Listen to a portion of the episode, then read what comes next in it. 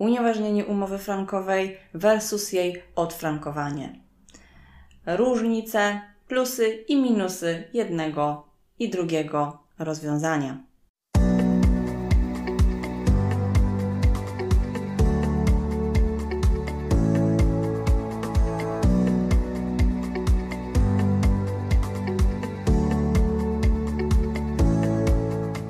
Zacząć trzeba przede wszystkim tym, że oba rozwiązania znajdują swój początek w stwierdzeniu abuzywności postanowień umowy, które mówią o wypłacanym kredycie i spłacanych ratach.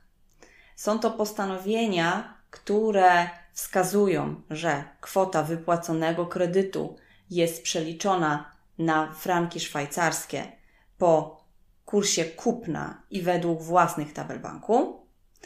I w dalszej części umowy postanowienie mówiące o tym, że spłata kredytu będzie następować w złotówkach. I znowu te złotówki, aby je zdjąć z kapitału kredytu wpisanego w księgach banku we frankach szwajcarskich, będą przeliczane na franki szwajcarskie, znowu po kursie tym razem sprzedaży i również według własnych tabel banku. Nie będę tutaj dokonywać szczegółowej analizy, dlaczego Sąd y, Ochrony Konkurencji i Konsumentów, Sąd Najwyższy i Trybunał Sprawiedliwości Unii Europejskiej twierdzą, że te klauzule są krzywdzące dla konsumenta. O tym sobie na pewno porozmawiamy w jakimś e, innym odcinku. Natomiast przejdziemy do samej, samego skutku stwierdzenia tego, że te postanowienia są krzywdzące. Jeżeli sąd stwierdza, że postanowienie w takiej umowie jest e, krzywdzące dla konsumenta i jest abuzywne, to przyznaje, że ono nigdy nie wiązało stron od samego początku istnienia umowy. I teraz sąd decyduje o tym, czy taka umowa może dalej funkcjonować, czy nie. E, tutaj nawiążę do takiej sytuacji, e, do takich pogłosek, które miały miejsce po 3 października 2019 roku, czyli po słynnym naszym wyroku Trybunału Sprawiedliwości Unii Europejskiej. E, otóż pojawiły się pogłoski, że teraz to konsument będzie decydował, czy chce, żeby jego umowa została odfrankowana, czy chce, żeby jego umowa została unieważniona. Tak nie jest. Decyduje o tym sąd. Sąd w każdej indywidualnej sprawie podejmuje decyzję, czy, wy, czy umowa może dalej funkcjonować bez klauzul niedozwolonych. E, I tutaj e, orzecznictwo nam się dzieli. Powstają dwie linie orzecznicze, natomiast po mm, wyroku Sądu Najwyższego z 11 e, grudnia 2019 roku e, orzecznictwo to zaczyna bardziej e, się skłaniać w kierunku unieważnienia umowy.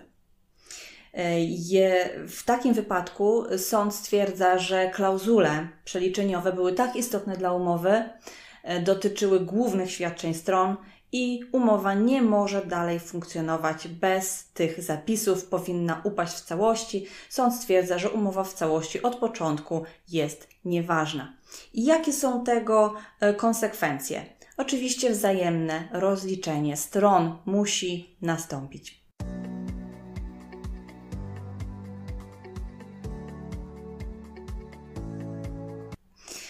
Plusy takiego rozwiązania.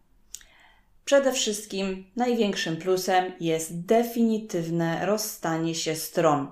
Banku i konsumenta nie wiąże już za żaden stosunek e, umowny. Muszą się tylko między sobą rozliczyć, ale nie są już na siebie skazani. No i oczywiście wariant ekonomiczny, tak? czyli skutek darmowego kredytu. Mm, w takim wypadku klient musi zwrócić do banku wyłącznie te środki, które otrzymał. Czyli jeżeli klient otrzymał od banku 300 tysięcy złotych, to w całym okresie kredytowania powinien zwrócić te 300 tysięcy złotych, nie więcej. Więc ekonomicznie skutek jest najkorzystniejszy dla klienta w takim wypadku.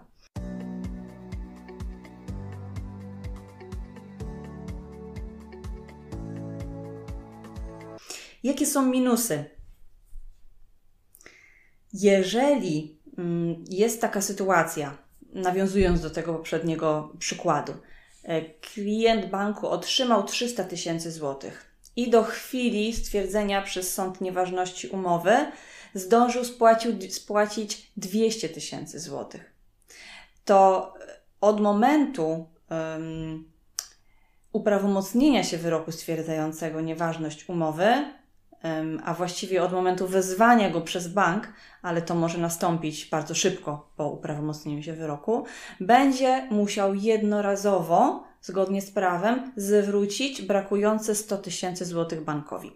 E, I o tym e, sądy e, i pełnomocnicy też informują klientów, tak? Jeżeli jest taka sytuacja, to klient powinien być też na to przygotowany, że po zakończeniu procesu będzie musiał jednorazowo wypłacić taką kwotę do banku. Bankowi będzie przysługiwać takie roszczenie i trzeba znaleźć sposób na finansowanie mm, tego wydatku.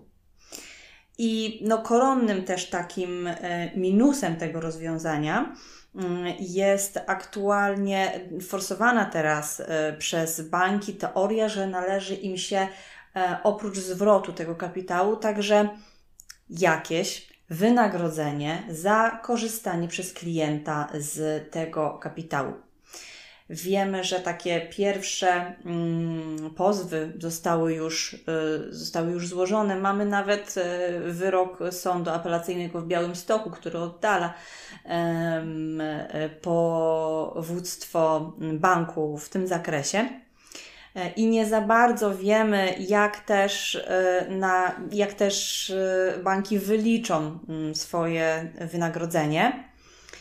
I swoją drogą kłóci się to e, trochę z e, prawem unijnym, e, ale nie wchodząc w szczegóły, Sąd Najwyższy w roku z 11 grudnia 2019 roku lekko otworzył furtkę mm, do takich żądań ze strony banku, natomiast na chwilę obecną nie wiemy, jak będzie to wyliczane i jak się takie roszczenia ewentualnie będą e, kształtować i takie rozliczenia między stronami. I tutaj właśnie jest plus drugiego rozwiązania, czyli odfrankowania.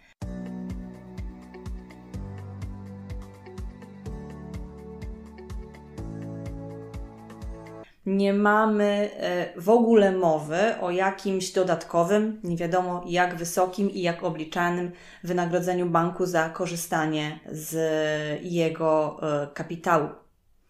Umowa dalej obowiązuje, chociaż w innym kształcie.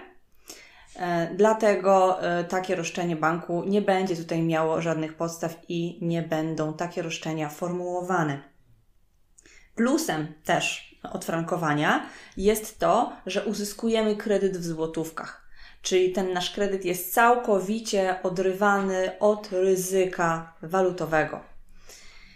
No i oczywiście ten nasz kredyt w złotówkach będzie oprocentowany na bazie Liboru, a nie Wiboru, czyli to będzie taka konstrukcja, która w rzeczywistości nigdy nie miałaby miejsca. Tak? W momencie, kiedy kredyt był e, zaciągany, mamy plusy jednego i drugiego rozwiązania. Kredyt złotówkowy, jednocześnie oprocentowany na niskim oprocentowaniu, właściwym dla kredytów indeksowanych czy e, denominowanych, powiązanych z walutą obcą.